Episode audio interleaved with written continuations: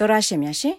တင်းနစ်အကျော်မော်နိုဗတ်ဂျိုကိုဗစ်အော်စတြေးလျဗီဇာဖျက်သိမ်းခံရတဲ့ကိစ္စတရားရုံးကပယ်ဖျက်ပြီးနောက်အော်စတြေးလျအိုပန်တင်းနစ်ပြိုင်ပွဲမှာပါဝင်နိုင်ဖို့တာဆူနေပေမဲ့လည်းဗီဇာပြန်လည်ဖျက်သိမ်းခံရနိုင်ပါသလားဆိုတဲ့နောက်ဆုံးရအခြေအနေကိုမူလိုင်းသိန်းကအပြည့်စုံတင်ပြပေးမှာပါရှင် ဆာဘီယာနိုင်ငံသားကမ္ဘာ့တင်းနစ်ချန်ပီယံနိုဗက်ဂျိုကိုဗီဟာမဲလ်ဘန်မြို့မှာကျင်းပတဲ့ Australian Open Tennis ပြိုင်ပွဲအတွက် Australia နိုင်ငံထဲနေခွင့်ရကြောင်း Australia တရားရုံးကဆုံးဖြတ်ပေးလိုက်လို့အမှုနိုင်သွားပြီဖြစ်ပါတယ်။ဒါပေမဲ့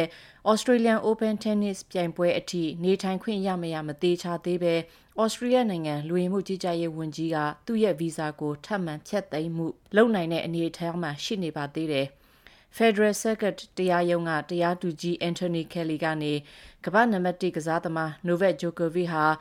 ဗီဇာဖြတ်သိမ်းခံရတဲ့ကိစ္စနဲ့ပတ်သက်ပြီးသူ့ရဲ့ရှေ့နေနဲ့အချိန်လုံလောက်စွာစကားပြောဆိုခွင့်မရခဲ့ပဲလူဝင်မှုထိန်းသိမ်းရေးစခန်းမှာပို့ဆောင်ခံခဲ့ရတယ်ဆိုပြီးတော့ Novak Djokovic ဘက်ကနေပြီးတော့ရှုံးဖြတ်ချက်ချခဲ့ပါတယ်။ Tennis အားကစားသတင်းတွေကိုရေးသားတဲ့ AP သတင်းဌာနက Howard Fendrich ကအခုလိုသတင်းပေးပို့ထားပါတယ်။ He uh, had the cancellation of his visa to enter Australia. Australia နိုင်ငံထဲဝင်လာခွင့်ဗီဇာဖျက်သိမ်းခံရတဲ့ကိစ္စကို ပြန်လည်ရုပ်သိမ်းပေးလိုက်ပြီဖြစ်ပါတယ်။သူ့အနေနဲ့ Australia နိုင်ငံထဲဝင်ခွင့်ရသွားပြီလို့တရားသူကြီးကနေဆုံးဖြတ်ချက်ချပြီးတာနဲ့ Djokovic ဟာ Rod Laver Arena ကစားကွင်းမှာလေ့ကျင့်မှုစတင်လိုက်ပြီး Melbourne Park မှာပဲ Djokovic ဟာဖလားကိုခုရရှိဖူးပြီးဖြစ်ပါတယ်။အဲ့ဒီကစားကွင်းမှာဓာတ်ပုံတစ်ပုံရိုက်ထားတာကိုတင်လိုက်ပြီးတရားသူကြီးရဲ့ဆုံးဖြတ်ချက်အပေါ်ဝမ်းသာဂုဏ်ယူမိတဲ့အကြောင်းသူ့ကိုထောက်ခံတဲ့ကဘာသလွားကပြည်သက်တွေကိုကျေးဇူးတင်တဲ့အကြောင်းရေးထားခဲ့ပါတယ်။ ဂျိုကိုဗစ်ဟာအရင်တစ်ပတ်တုန်းကဩစတြေးလျနိုင်ငံတဲကိုနိုင်ငံသားတွေ COVID-19 ကာကွယ်ဆေးအပြည့်အဝမထိုးထားရင်ဝင်လာခွင့်မရှိဘူးလို့သတ်မှတ်တဲ့ကြားကပဲဝင်လာခွင့်ရခဲ့ပါတယ်။ မကြာခင်ကာလအတွင်း COVID-19 ကူးစက်ခံရရင်ကာကွယ်ဆေးထိုးစရာမလိုတဲ့ချွင်းချက်နဲ့ဝင်ရောက်လာတာလို့သူ့ရဲ့ရှင်းနေကပြောပါတယ်။အခုဆိုရင် Novak Djokovic ဟာ Australia နိုင်ငံမှာလွတ်လပ်စွာသွားလာလို့ရပြီဆိုပေမဲ့သူ့ရဲ့ဗီဇာကိုဖျက်သိမ်းမသိမ်းဆိုတာကလူဝင်မှုကြီးကြပ်ရေးဝန်ကြီးရဲ့လုပ်ကန်ခွင့်အာဏာအပေါ်မူတည်နေပါတယ်။ Uh but it's all a little bit still up in the air. The uh အခုလောလောဆယ်မသေးချာမရေရာမှုတွေဖြစ်နေပါတယ်။လူဝင်မှုကြီးကြပ်ရေးဝန်ကြီးအနေနဲ့တရားသူကြီးရဲ့ဆုံးဖြတ်ချက်ကိုကြော်လွှားပြီးဂျိုကိုဗစ်ကိုနိုင်ငံထဲနေခွင့်ပေးသင့်မသင့်ဆုံးဖြတ်ပိုင်ခွင့်ရှိတယ်လို့ပြောဆိုခဲ့တာဖြစ်ပါတယ်။အကယ်၍လူဝင်မှုကြီးကြပ်ရေးဝန်ကြီးဌာနကသာဂျိုကိုဗစ်ရဲ့နေထိုင်ခွင့်ကိုပိတ်ပင်လိုက်မယ်ဆိုရင်ဇန်နဝါရီလ18ရက်နေ့မှာစတင်မဲ့ tennis ပြိုင်ပွဲမှာဝင်ပြိုင်ခွင့်ရတော့မှာမဟုတ်သလို ဩစတြေးလျနိုင်ငံကိုလည်း၃နှစ်အတွင်းဝင်ခွင့်ရတော့မှာမဟုတ်ပါဘူး။မဲလ်ဘန်မြို့မှာဆိုရင် Novak Djokovic နေထိုင်တဲ့ဟိုတယ်အရှိမှာသူ့ကိုထောက်ခံသူတွေကသူ့အတွက်ဆန္ဒပြတာမျိုးတွေလှုပ်ဆောင်ခဲ့ကြပါတယ်။ဆာဗီးယားနိုင်ငံမှာလည်းဂျိုကိုဗစ်ရဲ့မိသားစုဝင်တွေနဲ့ထောက်ခံသူတွေကဆန္ဒပြမှုတွေလုပ်ပြီးသတင်းစာရှင်းလင်းပွဲတွေလည်းပြုလုပ်ကြပါတယ်။ တရားသူကြီးရဲ့ဆုံးဖြတ်ချက်နဲ့ဆက်ဆက်ပြီးဂျိုကိုဗစ်ရဲ့ညီကိုတော်သူဂျိုရီကအခုလိုပြောပါတယ် Pravda istino su izašli na videlo Justice and truth came out in the open. On this occasion, တရားမျှတမှုနဲ့အမှန်တရားတွေကဘွင်းကနေကိုပေါ်လာပါတယ်။ဒီလိုအချိန်အတွင်းဩစတြေးလျနိုင်ငံရဲ့တရားရေးရာစနစ်ကိုကျွန်တော်တို့ကျေးဇူးတင်လိုပါတယ်။ဒီအမှုကိုအသေးစိတ်ကြားနာပြီးဘဲလိုက်မှုမရှိဘဲတောက်ဆုံစဉ်းစားထောက်ရှုမှုတွေလုပ်ခဲ့တဲ့တရားသူကြီးခဲလီကိုလည်းကျေးဇူးတင်ပါတယ်။ သူဟာ Novak ရဲ့ Australian Visa လျှောက်လွှာကအစား Australia နိုင်ငံကိုလေယာဉ်နဲ့ရောက်လာတဲ့အကြောင်းတွေကောင်းမွန်စွာဆက်ဆံမှုမခံရဘဲလူဝင်မှုထိန်းသိမ်းရေးနေရာမှာထိန်းသိမ်းခံရတဲ့ကိစ္စတွေအပြင်အခုတရားရေးရာအထိနက်နက်ဆက်ဆက်တောက်ဆုံကိုလေ့လာပြီးဆုံးဖြတ်ချက်ချခဲ့သူဖြစ်တယ်လို့ပြောဆိုခဲ့ပါတယ်။ဂျိုကိုဗစ်ရဲ့မိခင်ဒီယာနာကတော့ Australia ကသူ့ရဲ့သားကိုနှိပ်စက်ခဲ့တယ်လို့ပြောပါတယ်။ mi smo ovdje došli da na neki način proslavimo We came here today to somewhat celebrate the victory of our son. ဒီနေ့ဒီညမှာဆွေးရုံရောက်ရှိလာရတာကတော့ကျမတို့ရဲ့သားဖြစ်တဲ့ Novik ရဲ့အောင်ပွဲကိုကျင်းပဖို့ဖြစ်ပါတယ်။ကျမရဲ့သားဟာသူမိသားစုစီကနေလိန်ညာမှုတွေမလုပ်ဖို့ အတူရောင်တွေကိုရှောင်ရှားဖို့ဆိုတဲ့ဆုံးမသွန်သင်ချက်ကိုလိုက်နာသူဖြစ်ပြီးအမှန်တရားအတွက်အမြဲတမ်းတိုက်ပွဲဝင်တဲ့လူငယ်ဖြစ်ပါတယ်။သူ့မှာဘာအပြေးမှမရှိပါဘူး။သူတို့နိုင်ငံရဲ့ဥပဒေကိုဆန့်ကျင်တဲ့အရာ သူတခုမှမလုပ်ခဲ့ပါဘူးဒါပေမဲ့သူ့ကိုနှိပ်စက်ကြတာကိုကျမတို့တွေမြင်တွေ့ကြရပါတယ်သူဘာတွေတကယ်ကြုံတွေ့ခဲ့ရတယ်လဲဆိုတာတွေကတော့နောက်ရက်တွေမှပဲကျမတို့ကြားသိရတော့မယ်လို့ထင်တဲ့အကြောင်းပြောသွားခဲ့ပါတယ်။ ဂျိုကိုဗစ်ရဲ့ဦးလေးဖြစ်သူဂိုရွန်ကလည်းဩစတြေးလျဟာဂျိုကိုဗစ်အသာစီးမရအောင်လုပ်နေတာဖြစ်တယ်လို့ယုံကြည်တဲ့အကြောင်းပြောပါတယ်။ For me, it looked like trap for the animals, you know, like a wolf. animals in in in the mountain you know ကျွန်တော်အတွက်ကတော့သရိษံတကောင်ကိုထောင်6ဆင်တယ်လို့ပါပဲဝန်ပလွေလိုတောတောင်ထဲကသရိษံကိုထောင်6ဆင်တယ်လို့ပေါ့လာဖို့သူတို့ဘက်ကဖိတ်ခေါ်တယ်ပြီးတာနဲ့သူ့ကိုထောင်ထဲမှာပိတ်လှောင်လိုက်ကြတယ် သူဒူးထောက်အရှောင်းပေးသွားအောင်လုပ်ကြတဲ့သဘောပါပဲဒါပေမဲ့အဲ့ဒီကိစ္စကမဖြစ်နိုင်ခဲ့ပါဘူးကျွန်တော်တို့တွေဟာဆာဘီးယားတွေဖြစ်ပြီးအီမတန်ဂုံယူဝင့်ကြွားတဲ့ဘောလကန်နိုင်ငံဖြစ်တဲ့ဆာဘီးယားလူမျိုးတွေဖြစ်ကြတဲ့အတွက်ဖြစ်တယ်လို့ပြောသွားခဲ့ပါတယ်ဂျိုကိုဗစ်ဟာဒီဇင်ဘာလ16ရက်နေ့တုန်းက COVID-19 ကူးစက်ခံရတယ်လို့ပြောဆိုကြပေမဲ့နောက်တရက်ဒီဇင်ဘာလ18ရက်နေ့မှာ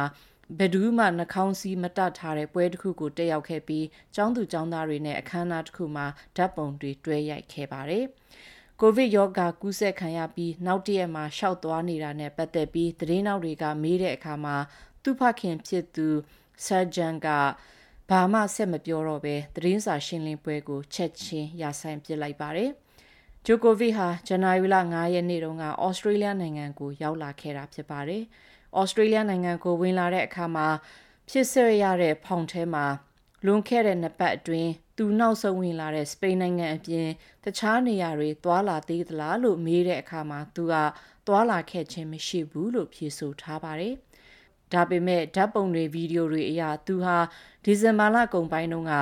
ဆာဗီးယားနိုင်ငံထဲမှာသွာလာနေတာမျိုးတွေထွက်ပေါ်နေပါတယ်။ခ ရစ်စမတ်ကာလအတွင်းဆာဗီးယားနိုင်ငံဘဲဂရိတ်လမ်းပေါ်မှာတင်းနစ်ကစားနေတဲ့ဗီဒီယိုတွေဓာတ်ပုံတွေလည်းထွက်ပေါ်လာပါတယ်။ဂျိုကိုဗစ်ရဲ့ကိစ္စနဲ့ဆက်ဆက်ပြီးဩစတြေးလျဝန်ကြီးချုပ်ကဆာဗီးယားနိုင်ငံဝန်ကြီးချုပ်နဲ့ဖုန်းထဲမှာဆွေးနွေးခဲ့ကြပါတယ်။ဆာဗီးယားဝန်ကြီးချုပ်ရဲ့တောင်းဆိုချက်အရ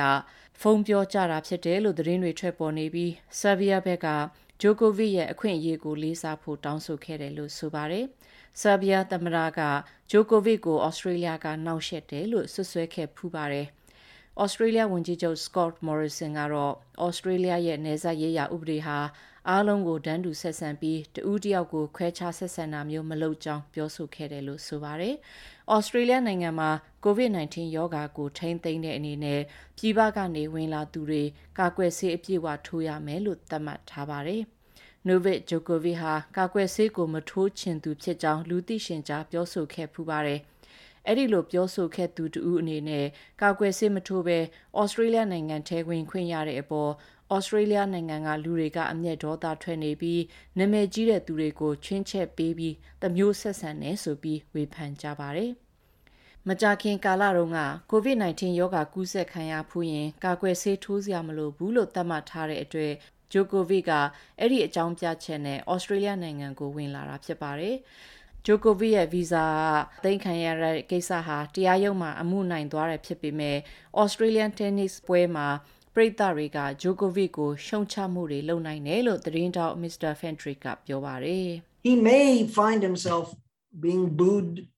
mercilessly by the crowds in Australia who didn't Australia ပြည်သားတွေကသူ့ကိုချင်းချက်နဲ့ပေးမွင်တင်ဘူးလို့ထင်ကြတဲ့အတွက် Queen ထဲမှာညာတာမှုကင်းမဲ့စွာသူ့ကိုရှုံချမှုလုပ်နိုင်ပါတယ်သူ့အနေနဲ့ကိုပိုင်းဆိုင်ရာစိတ်ပိုင်းဆိုင်ရာဒါမှမဟုတ်ဒီဖလားအတွက်ကောင်းမွန်စွာပြင်ဆင်မှုလုပ်နိုင်ခြင်းမှလုပ်နိုင်မှာဖြစ်ပါတယ်ဒါပေမဲ့သူဟာ Queen ထဲကိုရောက်တာနဲ့အဆိုးမှန်သမျှသူ့ကိုအကျိုးပြုစေမယ့်အကောင်းဖြစ်သွားအောင်လှုပ်ဆောင်နိုင်တဲ့စွမ်းရည်ရှိတယ်လို့ပြောပါတယ်။ ဂျိုကိုဗစ်ဟာ tennis ပြိုင်ပွဲကြီး Grand Slam အခုပေါင်း20မှာအနိုင်ရရှိထားသူဖြစ်ပြီးအဲ့ဒီလိုဆုကို Roger Federer နဲ့ Rafael Nadal တို့ကလည်းရရှိခဲ့ဖူးပါတယ်။ဂျိုကိုဗစ်ရဲ့ကိုဗစ်ကာကွယ်ဆေးအပေါ်အမြင်သဘောထားနဲ့ပတ်သက်ပြီး Rafael Nadal ကဇန်နဝါရီလ10ရက်နေ့တုန်းကအခုလိုမှတ်ချက်ပြုထားဖူးပါတယ်။ think uh, if he wanted, he will be playing here in Australia without uh, a problem. No, he went through uh, another. သူအနေနဲ့ Australia နိုင်ငံမှာပြဿနာမရှုပ်ချင်တဲ့နီးနဲ့လာပြီးကစားချင်တယ်ဆိုရင်ကစားနိုင်ပါတယ်။ဒါပေမဲ့သူကတခြားနီးကိုရွေးလိုက်ပါတယ်။ဒါကတော့သူ့ရဲ့ကိုယ်ပိုင်ဆုံးဖြတ်ချက်ပါ။လူတိုင်းကကိုယ်ပိုင်ဆုံးဖြတ်ခွင့်ရှိပါတယ်။ဒါပေမဲ့ကိုယ့်ရဲ့ဆုံးဖြတ်ချက်တိုင်းမှာတက်ရောက်မှုတွေရှိပါတယ်။အခုလက်ရှိဖြစ်နေတဲ့အခြေအနေကိုကျွန်တော်မကြိုက်ပါဘူး။ သူ့အတွက်လည်းကျွန်တော်စိတ်မကောင်းဖြစ်မိပါတယ်ဒါပေမဲ့တစ်ဖက်မှာလည်းဒါမျိုးတွေဖြစ်နိုင်တယ်ဆိုတာအရင်လပိုင်းတွေကတည်းကသူကြိုတင်သိနေပြီးသားပဲလို့မှတ်ချက်ပြုခဲ့ပါတယ်ဂျိုကိုဗစ်အနေနဲ့ကိုဗစ်ရောဂါကူးစက်ခံရဖူးလို့ကာကွယ်ဆေးမထိုးထားဘူးဆိုတဲ့ချွင်းချက်နဲ့ဩစတြေးလျနိုင်ငံကနေပြန်ပို့မခံရအောင်စူးစမ်းနေတဲ့တိုက်ပွဲမှာပထမအဆင့်အောင်မြင်သွားပေမဲ့ပြီးဆုံးသွားခြင်းတော့မရှိသေးပါဘူး။ လူရမှုကြီးကြရေးဝန်ကြီး Alex Hawke ရဲ့ပြောခွင့်ရပုဂ္ဂိုလ်ရဲ့အဆိုအရဝန်ကြီးဟာ Migration Act ဥပဒေအရသူ့ရဲ့လုပ်ပိုင်ခွင့်အာဏာကိုသုံးသင့်မသင့်စဉ်းစားနေတယ်လို့ပြောပါတယ်။လူရမှုကြီးကြရေးဝန်ကြီးကနေအဲ့ဒီလုပ်ပိုင်ခွင့်အာဏာကိုအသုံးပြုပြီးဂျိုကိုဗစ်ရဲ့ဗီဇာကိုထပ်ပြီးဖျက်သိမ်းလိုက်မယ်ဆိုရင်တော့လူရင်မှုကြီးကြရေးဌာနနဲ့ဂျိုကိုဗစ်တို့ရဲ့ရှင်ပြိုင်တဲ့ပွဲမှာဂျိုကိုဗစ်ကဩစတြေးလျကိုရှုံးနိမ့်မဲ့အနေအထားရှိတယ်လို့ရေးထားတဲ့ Isam Al Ghalib ရဲ့ဆောင်းပါးကိုတင်ဆက်လိုက်ပါရရှင်။မူလိုက်သိတင်ပြခဲ့တာပါရှင်။